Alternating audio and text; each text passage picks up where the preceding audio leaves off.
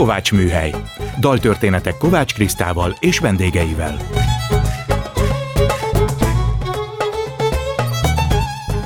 Jó estét kívánok! Kovács Kriszta vagyok, ez itt a Kovács Műhely. Gombhoz a kabátot. Daltörténetek másként. Most mindig a vendégemet kérem meg, hogy válasszon olyan kedvenc dalt, zenét, amiből a beszélgetés elindulhat. A mai indító dalt Bokros Lajos választotta. Következik Kovács Kriszta Két szó járja táncát, a Titkos írás című albumomról, a szerzők Vedres Csaba és Fábri Péter. Két szó járja táncát, minden szent ivánkor, Két szó kergetőzik, árkon bokron át. Két szó járja táncát, mindenféle dalban.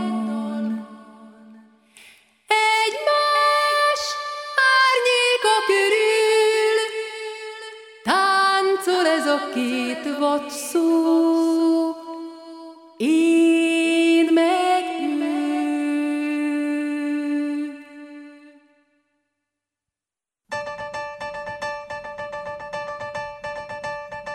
Két szó járja táncát elpörgő időben, szél fúj tágterekből, támad déli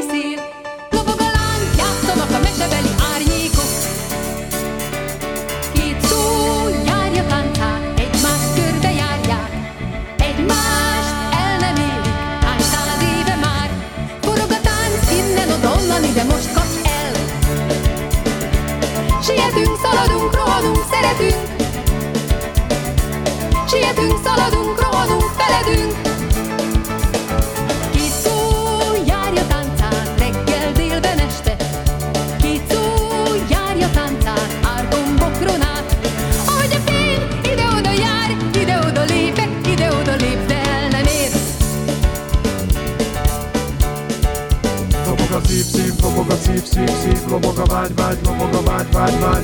Egyik ide lép, másik oda lép, hova pörög, örök tánc, örök tánc. Egyre te meg én, egyre körözünk, süt a pörög, örök tánc, örök tánc. Így a szerelem, úgy a szerelem, hova szabad örök tánc, örök tánc. Tánc a szerelem, szó a szerelem, szabad a szerelem,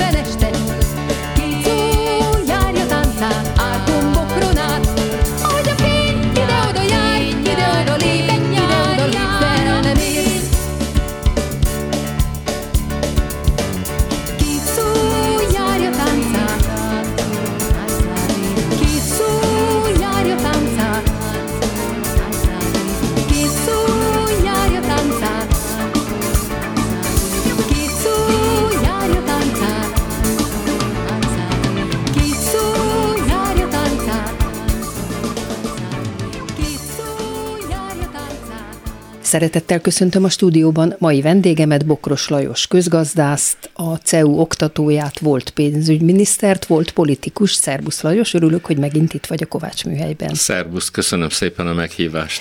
Hát megtiszteltél, hogy az én dalommal akartad kezdeni a beszélgetésünket, de miért? Azért, mert szeretem a dalaidat. Csak így egyszerűen. Nagyon szépen énekelsz, és nagyon jók a dalok is.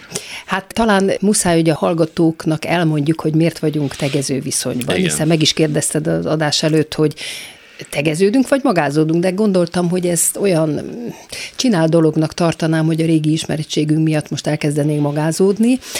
Hát számomra a veled való szorosabb ismerettségem az a Columbus című rockopera kapcsán történt, aminek te a főszponzora voltál, már mint a Budapest Bank elnök vezérigazgatójaként.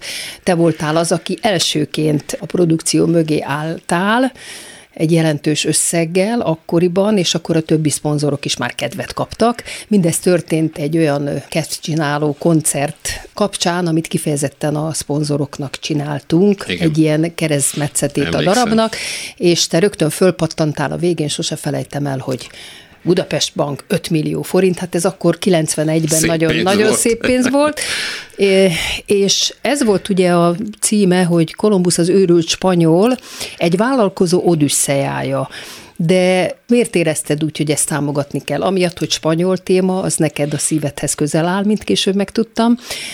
Azért, mert egy vállalkozó odüsszejájáról szólt, vagy egyáltalán a Kolumbusz, mint téma, és szeretted ezt a dolgot, hogy ezt 91-ben, mi ezt 92-ben, a 500 éves évfordulók miatt terveztük létrehozni. Mindig az, amit elmondtál, tehát ezek a tényezők számítottak, de bevallom őszintén, az is számított, hogy hallottam rólad, ismertelek a férjedet, gyerekkora óta ismerem, és a személy a De ez nem volt minőség egy védjegye. szoros kapcsolat, csak még Nem akkor... volt szoros védjegye, de édesapáink a Magyar Nemzeti Bankban dolgoztak, ismerték egymást, és én is dolgoztam aztán a Magyar Nemzeti Bankban, és a Péternek édesapját én is ismertem külön.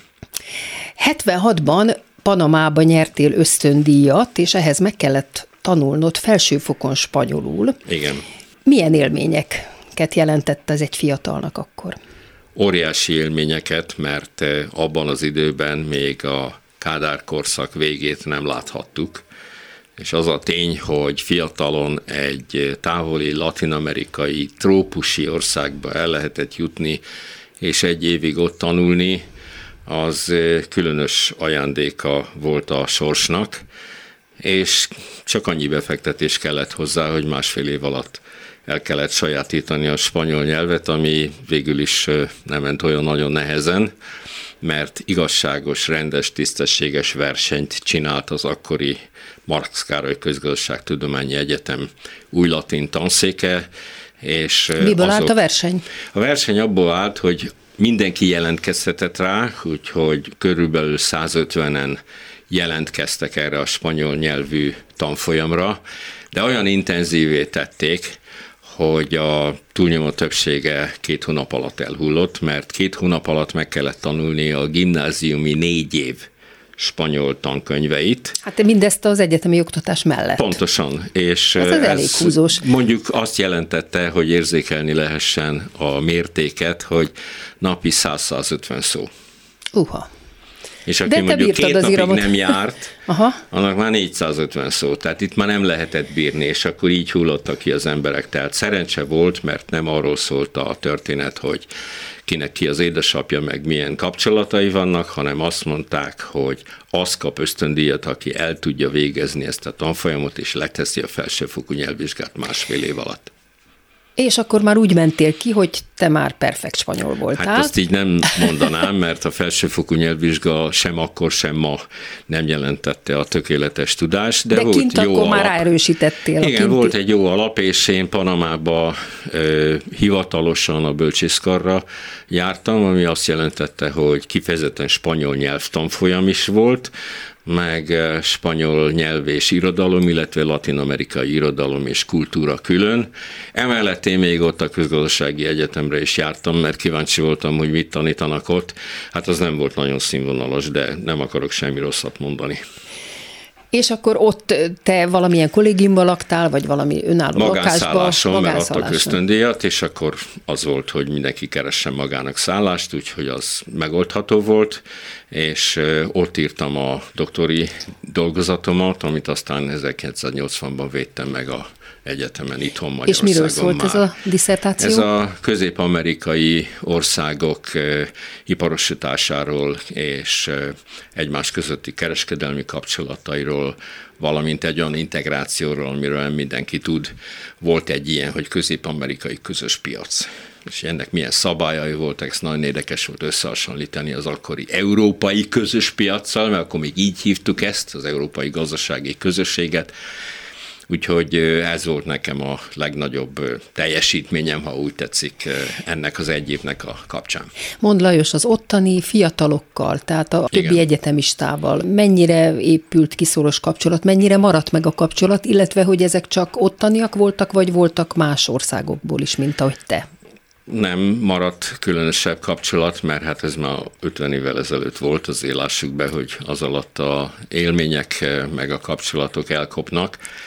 Abban az időben Panamában nem voltak ö, különösebben külföldi diákok. Tudni kell, hogy ez Jimmy Carter amerikai elnök idejére esik, amikor is a úgynevezett Panama csatorna övezetet az Egyesült Államoktól Panama visszakapta.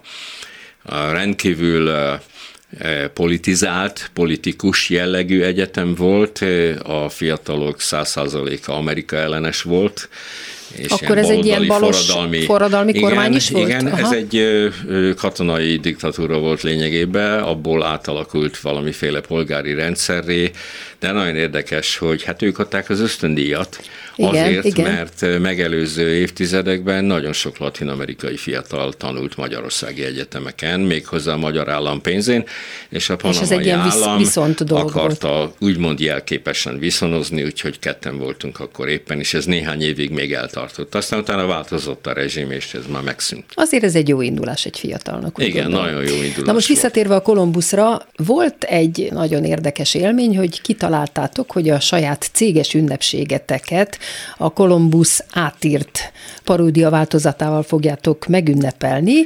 Fábri Péter írt Igen, erre egy speciális szöveget, és ti hajnal hatra jártatok be tanulni a koreográfiát munka előtt. Igen. És te Bobadíját, a főgonoszt játszottad, hát nagyon élvezetesen.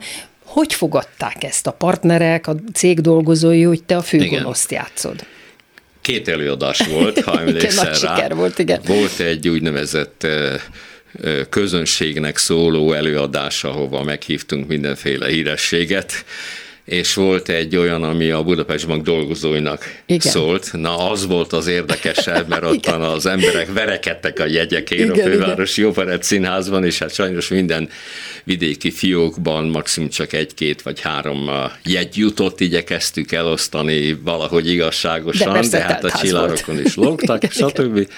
Na mindegy, én szeretek énekelni és táncolni, mint ahogy te azt tudod, Igen.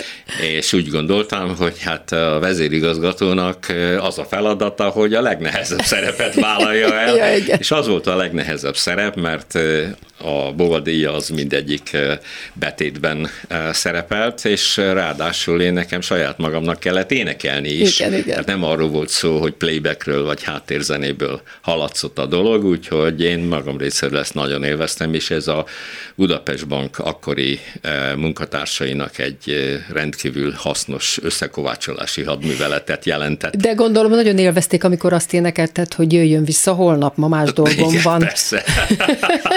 Hiszen ezt tapasztalhatták, amikor a Igen, főnök de azt a mondta. Budapest Bankban azért gyors volt az Gyors ügyintézés, volt az hála ügyintéz, tehát nem emányálná, mint a- mint a nem, spanyoloknál. Nem, nem, de ez nekem nagyon tetszett.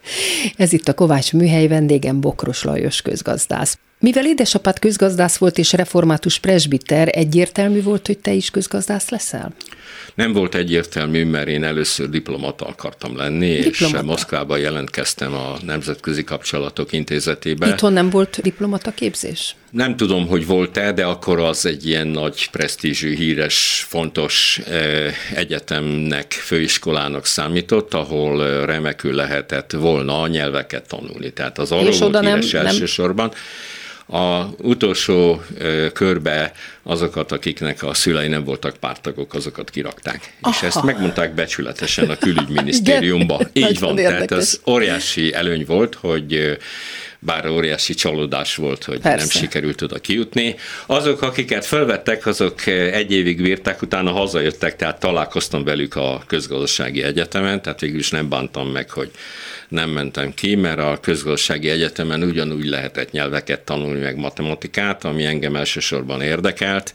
A közgazdaságtan, megmondom neked egész őszintén, azt nem az egyetemen tanultam meg, hanem utána magamtól. És a diplomataság, aztán miért nem arra fele mentél? Hát azért, mert közben az ember kiózanodott azokból az illúziókból, amit akkor a szocializmus beletáplált a közoktatási rendszeren keresztül. Tehát amikor a egyetemi diplomát megkaptam, és főleg amikor Panamából hazajöttem, az az egy év, az nekem egy kulturális és civilizációs sok volt abból a szempontból, hogy megváltozott a világnézetem is, és többé nem voltam, hogy úgy mondjam, a rendszernek az oszlopos íve. És ez Igen. nagyon fontos volt, mert a diplomata az nem lehet más, mint a adott kormánynak a hű szolgája. A közgazdaság abban az időben pedig már kezdett kibontakozni a politika halálos öleléséből. Ez hányban volt? Ez 78-79-ben volt, és ráadásul szerencsém volt, mert 80-ban a doktori ö, dolgozat elfogadása után fölvettek az akkori pénzikutatási intézetbe, ami a 80-as években a magyarországi reformgondolkodás egyik legfontosabb műhelyévé vált. Na most említetted, hogy kiábrándultál a korábbi ideákból, és kapcsolatba kerültél a demokratikus ellenzékkel annyira, hogy Ricardo Dávid álnéven írtál a szamizdatba. Ez hogy történt? Kivel ismerkedtél meg, és hogyan kezdtél odaírni? Lényegében mindenkivel, aki ma még olyannak számít, elsősorban Kis János volt, akin keresztül ugye a beszélő körhöz eljutottam, és János volt az, aki fölkért arra, hogy az illegális beszélőbe jó lenne közgazdasági elemzéseket is megjelentetni, és akkor hát miután én nagyon tiszteltem ezt a sok áldozatot vállaló kicsiny csoportot, ami akkor az úgynevezett demokratikus ellenzék volt, nem mondtam nemet, sőt azt mondtam, hogy nagyon szívesen, de minek utána én a magyar kormány pénzügyminisztériumában dolgoztam, úgy gondoltam, hogy ezt én a saját nevem alatt nem Hát mások is álnéven írtak, Úgyhogy persze. írtam álnéven, és ezt a János elfogadta. Persze mindenki tudta, hogy ki az az ember, de a 80-as évek második felében különösen ugye Gorbacsov 85-ös hatalomra jutása után azt lehet mondani, hogy már, már recseget ropogott, és Akkor már olvadt lehetett a rendszer, érezni, tehát igen. akkor már nem volt olyan veszélyes ez a dolog. Aztán persze voltak visszahatások, mert ugye végül is 88-ban Megyesi Péter akkori pénzügyminiszter helyettes, majd pénzügyminiszter és miniszterelnök helyettes vezetésével szétrugták a pénzügykutatási intézetet, tehát végül is ez a munkahely megszűnt, pont azért, mert Kádár elvtárs úgy gondolta, hogy nem kell ez az ellenzéki magatartás. De ez már a fordulat Ez és már reform később és volt. egyebek. Hogyan választottad ki ezt a nevet, a Ricardo Dávidot? Úgy, hogy Da- David Ricardo az a közgazdaság tan, mint tudományág egyik legfontosabb megalapítója. Bocsánat, Adam Smith naiva vagyok, igen, Adam Smith-t és, ismerem. És hát Smith és Ricardo, ezek mindig ilyen ikertestvérekként uh-huh. szerepeltek, ö, és én, ö, amit lehetett, ö, elolvastam Smith-től és Ricardo-tól már akkor, mert ugye ezek angolul szerencsére megvoltak a Marx Károly Közösségtudományi Egyetem nyilvános Angolul. könyves polcain, angolul, Aha. tehát aki tudott valamilyen nyelven, az hozzáférhetett ezekhez a dolgokhoz, sőt másokhoz is hozzáférhetett, mert én már mielőtt kimentem Panamába, az egyetemi diplomámat, tehát nem a doktori, hanem az egyetemi diplomámat azt egy, ha úgy tetszik, jobboldalinak számító osztrák közgazdás Friedrich August Hayeknek a munkáiból írtam, és azt akkor meg lehetett védeni summa cum laude az egyetemen. Kiderült-e ez, vagy mondod, hogy később már persze tudta mindenki, de akkor nem volt ebből bajod? Nem volt belőle bajom, később lett baj, mondom, amiatt, hogy utána, amikor már a Szovjetunió beli olvadáshoz elért egy bizonyos magas fokot, akkor a kelet-európai rendszerek megrettentek. Tehát nagyon érdekes, hogy a Szovjetunióban sokkal nagyobb volt a szabadság, mint mondjuk az NDK-ban, vagy Csehszlovákiában, vagy Bulgáriában, Romániáról nem is beszélve, és Magyarországon is volt egy kemény vonalas párthű, kvázi katonai eh, eh, részleg, eh, elsősorban Grósz Károly vezetésével, ha emlékszel még erre a névre, Hogyne, hogyne. akik meg akarták akadályozni a rendszerváltást.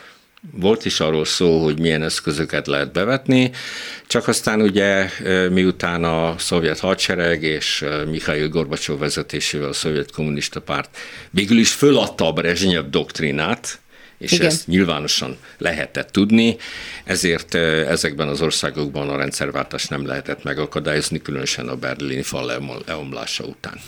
Jött a rendszerváltás, akkor már nyilván aktívan csatlakoztál valamelyik párthoz, valamelyik ellenzéki párthoz, és ez melyik Nem volt? annyira ellenzékihez meg fogsz lepődni, én a szocialista pártnak voltam a tagja Aha. egyébként, mert én nem voltam olyan mértékben, hogy úgy mondjam, a régi rendszer, a horti rendszer visszaállításának a híve. Én tudtam, hogy eljárt a fölött az idő. Csak és gondoltam volna, hogy ha úgyis Kis Jánossal voltál kapcsolatban, akkor nem az SDS mellé álltál. Nem volt ennek akkora jelentősége akkor. Aha. Tehát én nem voltam aktív ö, politikus egészen 95-ig.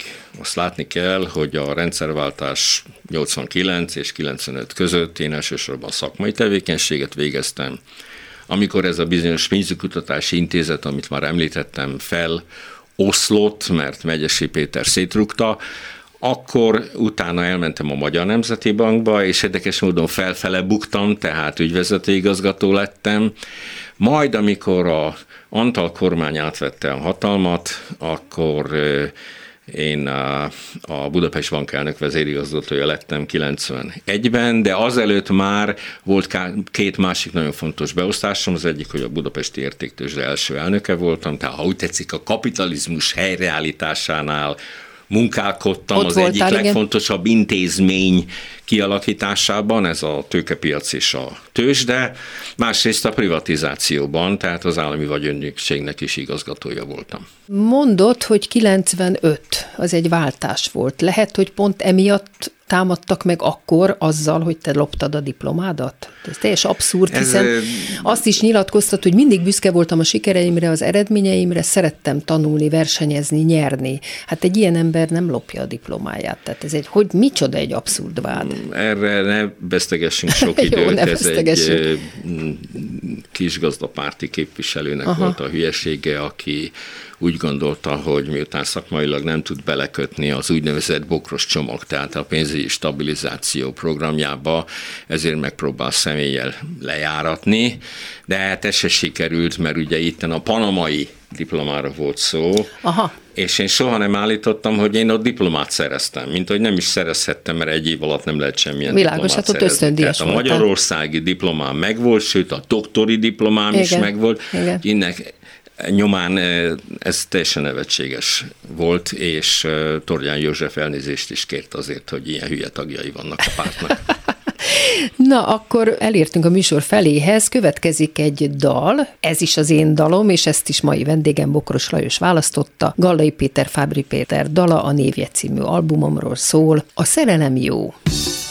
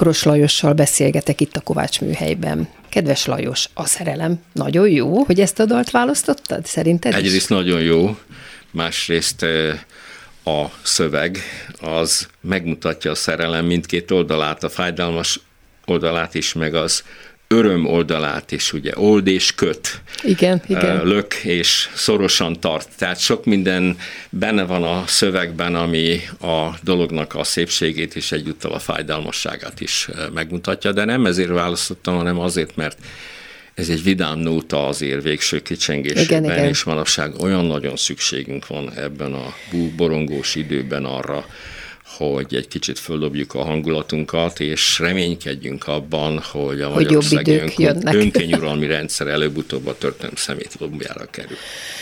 Az előbb szóba hoztad a bokros csomagot, ami már így a nevet... Kénytelen voltam. Igen, a neved, nevedet viseli, és mindig, mindig felmerül. Na most ezt nagyon támadtak annak idején, de a szakemberek azt mondják, és mindenki, aki egy kicsit normálisan gondolkodik, azt mondja, hogy hát gyakorlatilag ez mentette meg az országot akkor. Igen, ez És ténykérdés. ezt te nagyon radikálisan véghez vitted, és át is verted a kormányon akkor. Nem a kormányon, a parlamenten. Az A volt az parlamenten. igazi nehézség, Aha, mert a aha. kormány akkor olyan helyzetben volt, hogy szinte mindent elfogadott volna, ami abban a reménytelen helyzetben megmentette volna a magyar gazdaságot az államcsőttől.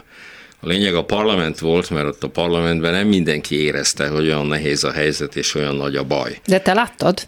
Láttam, és miután én a miniszterként a nemzetközi összefüggéseket is láttam, meg azt, hogy kinek milyen véleménye volt erről a nemzetközi sajtóban, angol, német, spanyol, stb.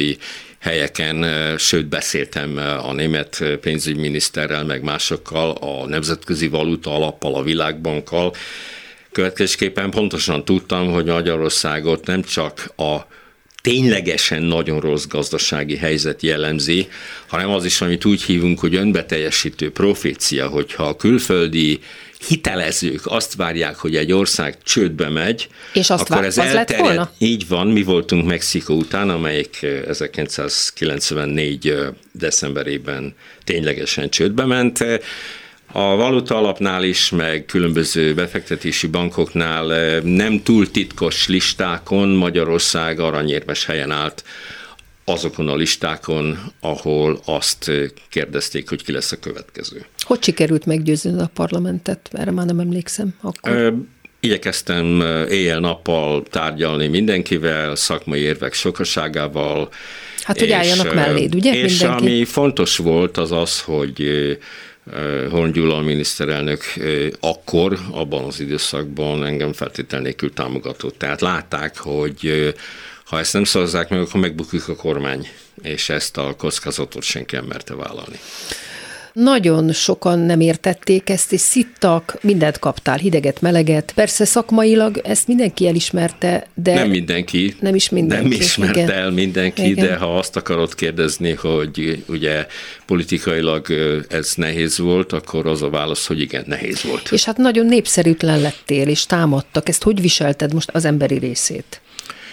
Én még csak elviseltem, de fontos azért megmondani azt, hogy édesanyám, aki akkor már nagyon beteg volt, pedig csak 71 éves volt, nézte a tévét, és állandóan sírt azon, hogy a Ja, fiát Istenem, támadják, igen. és utána kapott egy agyvérzést, és meghalt. Ú, ez Tehát ha úgy durva. tetszik, van személyes áldozata annak a akkori cselekvésnek, de nagyon fontos volt, hogy a családom és az édesapám is természetesen megértették, hogy miről van szó, és mindenki úgy gondolta, hogy az ország érdeke az első. Igen. Hát ezt sajnos ma kevesen gondolják így, én ezt látom. Nem kívánok nyilatkozni senkinek a ország iránti elkötelezettségéről, de én a szakszerűséget fontosabbnak tartottam, mint a népszerűséget. Mennyiben gondolod, vagy látod úgy, hogy noha te megmentetted ezzel a csomaggal az országot, de mégis 98-ban a Horn kormány elvesztette a választásokat. Hát ennek nyilván sok oka volt. Volt ott egy tocsik ügy is, meg volt ez a bokros csomag, ami akárhogy is, de mindenkinek fájt, hiszen fájnia Hát kellett. nem mindenkinek, de lehet úgy mondani, hogy nagyon sokaknak, és az Sokaknak. éppen elég volt ahhoz, hogy a népszerűtlenséget azt zsebre tegyük. Igen, igen, és Ebből akkor azonban emiatt... nem következik az, hogy egy olyan kormányt kell a helyébe szavazni egy ilyennek, amelyik utána tönkreteszi az országot. Tehát mondjuk normális országokban az szokott történni, persze a ellenzéki pártok, nekik az a dolguk, bírálják a kormányt, és hogyha netán ez a bírálat sikeres, és a következő választáson hatalomra kerülnek, akkor megtartják mindazokat az elemeket, amelyek a megelőző kormány munkásságából végül is az országot szolgálták. De a 98-as Orbán kormány semmit nem tartott meg ebből, ugye? Az az érdekes, hogy 2000-ig megtartottam. Igen, 2000 tulajdonképpen- 2000-ben volt egy váltás, Tulajdonképpen 2000-ig, azaz két évig úgy gondolták, hogy ami a gazdaságpolitikát illeti, ezt a fajta szigorúságot, a költségvetési fegyelmet, és nem mellesleg azt a csúszó leértékelő áll- árfolyampolitikát, amit a Magyar Nemzeti Bank folytatott, és amelyik integráns része volt ennek a programnak, azt ők megtartották, és csak akkor dőlt el bennük a borjú, amikor a világgazdaság egy kicsit megroppant, és ez a ma már elfelejtett dotcom válság ezeknek a újonnan semmiből létrehozott számítástechnikai, informatikai cégeknek a elporladása egy ilyen tisztító tűz formájában keresztül rohant a, a világ tőkepiacain, és akkor ők úgy gondolták, hogy gazdaságpolitikai fordulatot kell végrehajtani, ami egy mondatban összegezhető, a pénzügyileg fenntartható, exportvezérelt és beruházások által fűtött gazdasági növekedést fel kell váltani a költségvetési túlköltekezés, a bérek növekedése és a fogyasztás bővítése által fűtött gazdaságpolitikával. És ezt aztán folytattam Egyesi Péter 2002 Igen, után. de én most, mint aki nem értek a közgazdaságtanhoz, hogy ebből az következne, hogy akkor éppen, hogy sikerüknek kellett volna, hogy legyen, és akkor meg kellett volna, hogy nyerjék 2002-ben a választást, amit elvesztettek. Tudjuk, hogy nem ilyen egyszerű a helyzet, tehát nem pusztán a gazdaság sikeressége számít, hanem ennél többről van szó. Ne felejtsük el, hogy a 2002-es választást majdnem megnyerte a Fidesz, és nagyon rá kellett erősíteni nekik a második fordulóban, csak az volt a pekjük, hogy két bajuk volt, az egyik az, hogy az akkori MDF, amelyik ugye Dávid Ibolya vezetésével egyébként 98 és 2002 között koalíciós partnere volt az első Igen, Fidesz igen. kormánynak, nagyon helyesen elpártolt tőlük, és a másik pedig ez a bizonyos Kupa Mihály féle ö, centrumpárt volt, amelyik egy kicsit ö, leválasztotta azokat az erőket, amelyek ö, igyekeztek azért némileg észszerű gazdaságpolitikát folytatni, és ez is senkinek nem lett kétharmada. Tehát ez nagyon fontos.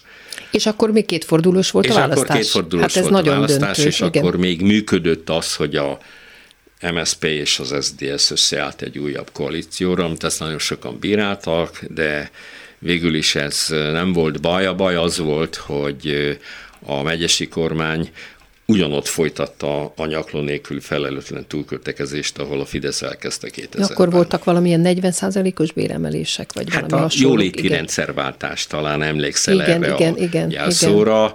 Ezzel igyekezett Megyesi Péter nyerni, és a szörnyű az volt, hogy ezt nem csak megígérte, hanem aztán be is váltotta az ígéretét, Igen, és igen. akkor kezdődött az az eladósodás, ami aztán a Megyesi és a Gyurcsány kormányok áldásos tevékenység eredményeképpen 2008-ra újra az államcsőd közelébe sodorta az országot.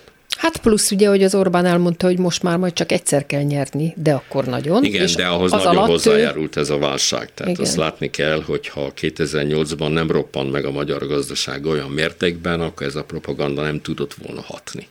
Igen. Minden országban, ahol egy ilyen önkényuralmi rendszer egyszer nagyot nyer az elején, az tipikusan egyfajta gazdasági válság után szokott bekövetkezni. Tehát a gazdaság nagyon fontos, de nem minden. Ez itt a Kovács műhely, vendégem Bokros Lajos. Lemondtál, és utána külföldön dolgoztál, tehát világbank, horvát és lengyel kormányoknál kormánytanácsadó voltál. Ott megfogadták a tanácsaidat ellentétben a itthoni Ez kormánya válogatta, és ráadásul az is különbözött, hogy én a magam részéről milyen szerepet játszottam, és milyen mértékben voltam úgymond beágyazva az adott kormánynak a politikai háttérmunkájába.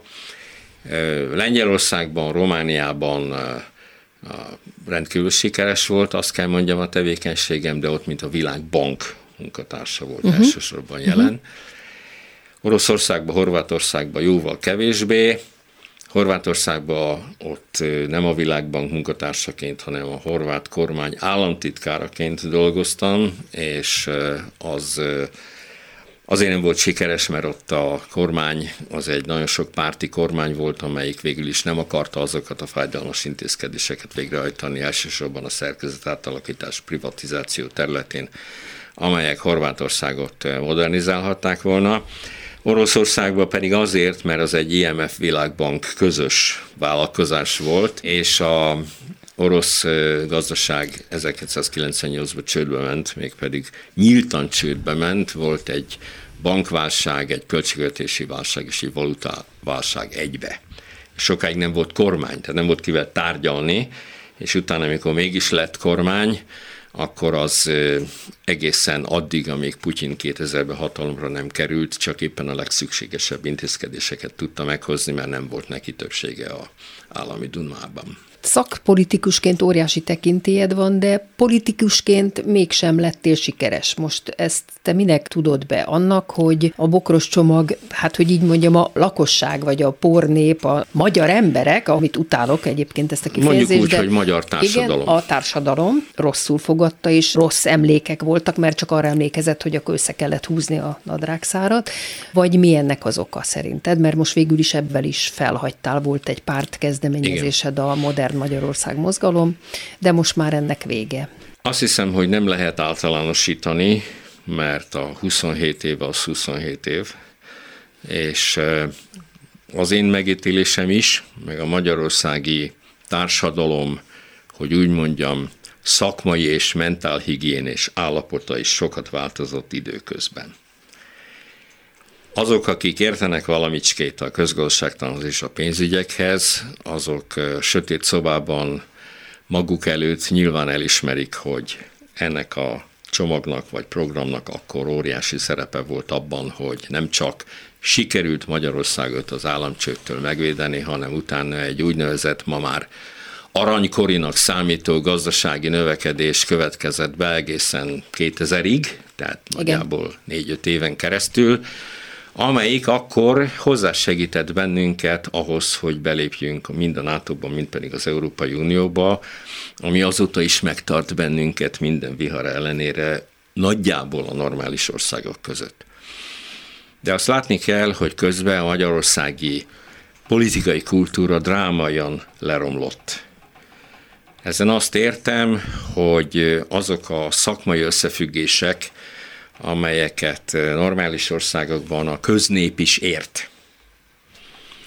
Tehát a költségvetési fegyelem, az infláció elleni küzdelem, a hatékony beruházások, a versenyképes piac követelménye, hogy nem az állam teremti a jólétet meg a munkahelyeket, hanem a társadalomnak azok az egyedei, azok a vállalkozók, igenis a befektetők meg a kapitalisták, akik a saját kockázatukra hajlandók és képesek beruházni, Magyarországon ma mindenki szocialista, ha úgy tetszik, mondanám, gazdaságpolitikai szempontból. Most én csak a gazdaságpolitikáról beszélek, Igen. mert nagyon messzire vezetne a többi. És mindenki az államtól várja a támogatást, a fogyasztás növelést, a magasabb nyugdíjat, a verseny előli védelmet és a munkahelyeket, ami nyilván egy olyan társadalomnak a kialakítását eredményezi, amelyik államfüggő, ahogy helyesen megfogalmaztad. Látod, nem kell ahhoz közgazdásznak lenni, hogy a lényegre rátapints, és ez azért nagyon fontos, mert ez zsákutca. Tehát, hogyha megnézzük a nyugati civilizáció elmúlt száz évi fejlődését, akkor azt látjuk, hogy az államnak fontos szerepe van, ne legyen félreértés, Hát a szabályozásban De nem. éppen az állam minősége az az, ami a legfontosabb, mert az állam tud monopóliumokat építeni, mint a mai Magyarországon, vagy tud monopóliumokat széttörni és versenyt erősíteni, mint a nyugat-európai országokban, és főleg az Egyesült Államokban ez megfigyelhető.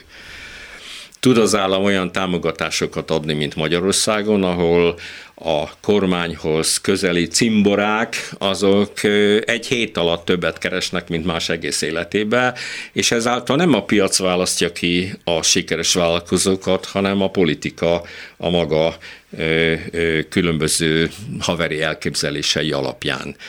Na most egy ilyen országban, ahol egy ilyen államfüggő oligarchia, amelyik aztán magát az államot is bekebelezte, uralomra jut, az nem egy normális kapitalista piacgazdaság, és mint ilyen nem képes arra, hogy fejlődjön és fölzárkozzon. Ennek a levét isszuk most. Igen, hát ez nagyon elkeserítő. Na ezért kellett a vidám nótákat. Igen, igen. Na most számodra a szabadság, a piac, a fékek és egyensúlyok, tehát minden, A amitől, a jogállam, igen, minden, amitől valami fontos. jogállam, ez számodra is rendkívül fontos. Te a CEU oktatójaként, sőt, talán a CEU egyik vezetője is voltál, ugye? Jól Voltam, tudom? igen, vezérigazgató Igen. évig. Hogy viselted el ezt, ahogy kilettetek űzve, és hát most Bécsbe jársz ki, gondolom, tanítani, ahol remekül Igen. megvagy, de mégiscsak nem itt Budapesten. Nehezen, meg kell mondani őszintén, mert nagyon nagy fájdalom az egy ö, magyar állampolgár számára, hogy az ő állama az első a 27 Európai Uniós tagállam közül, amelyik ö, előzött ez egy egyetemet, és amelyik ö, a tanszabadságot immár lábar tiporja, amelyik szakmányban aláássa az egész közoktatásnak a színvonalát, annak Miért érdekében, annak érdekében, hogy tudatosan a kiműveletlen emberfők sokaságát szaporítsák, akik engedelmes bárányként fognak mindig szavazni az önkényuralom meghosszabbítására. Tehát megvan a logikája egy ilyen populista, Mhm, nacionalista uralomnak, amelyik ugye most már nem csak a pénzzel, hanem az agyak mérgezésével is igyekszik megfogni az embereket, és arra szorítani őket, hogy ebben a kicsiny és kiszerű létben, amit egyébként egy magyarországi nyomorúság jelent, ne is vágyakozzanak arra, hogy az a szabadság és az a jólét, ami Nyugat-Európában, az Egyesült Államokban megvan, az Magyarországon is osztály részévé válhat a társadalomnak.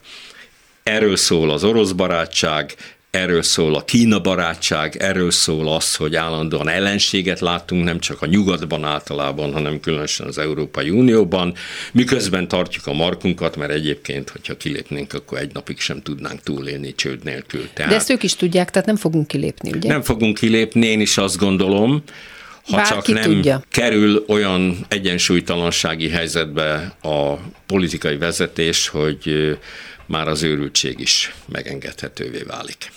Te tanítasz, és sok fiatallal vagy kapcsolatban. Igen. Hogy látod, hogy ők, hogy látják? Tehát fognak ők változtatni, mert mi már Igen. a rendszerváltást, hogy így mondjam, végigcsináltuk, most ők jönnek. Nézd, én nem tanítok Magyarországon, tehát ez is én igaz, Magyarország fiatalokkal ritkán találkozok, bár éppen ma este van egy meghívásom egy szakkollégium részéről, amelyik valószínűleg 20 diákot oda fog állítani, ami egy elenyésző, elhanyagolható kisebbsége, tehát nem fogom tudni áttekinteni, hogy mi a magyar diákoknak a véleménye. Na most tudni kell, hogy a Bécsi Közép-Európai Egyetemen nagyon kevés magyar diák van, de azok, akik ott tanulnak, azok mind látják és tudják, hogy mi történik ebbe az országba, tehát már tudatosan választották a CEUT.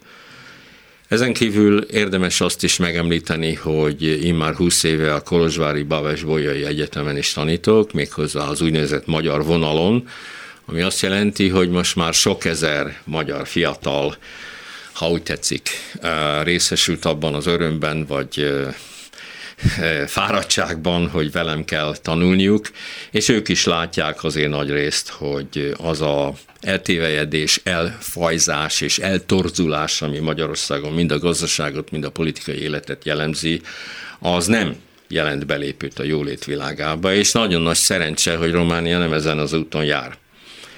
Ugyanakkor ö, nyilvánvaló ö, fontos, hogy reménykedjünk valamiben, Én reménykedek abban, hogy a magyarországi fiatalság előbb-utóbb jóval nagyobb erőt fog felmutatni a politikai szerveződés terén is, és egyúttal abban is reménykedek, hogy lesznek olyan külső hatások, amelyek Magyarországon egy demokratikus forradalmat ki tudnak váltani.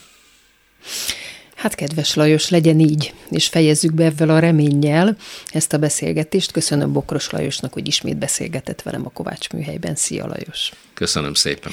És köszönöm hallgatóink figyelmét Pályi Márk és Horváth Ádám munkatársaim nevében is. Az adás ismétlése ma este tízkor hallható, majd utána az archívumban is bármikor elérhető és podcastként is meghallgatható. Hallgassanak minket vasárnaponként 5-kor, vagy este 10-kor, továbbra is az interneten. Jövő vasárnap egy újabb daltörténettel jelentkezik a Kovács műhely, Gombhoz a kabátot, daltörténetek másként. A műsor vendége Mácsai János, zenetörténész és hangszer restaurátor lesz. Ő egy átiratot választott, Kocsis Zoltán játsza zongorán Wagner az Istennek alkonya című operájának egy részletét. Most ez következik, és nyilván Mácsai János majd a beszélgetésünkben elmeséli, hogy miért pont ezt választotta. Viszont hallásra! Hát talán az Istenek alkonya a kedvenc Wagner operán.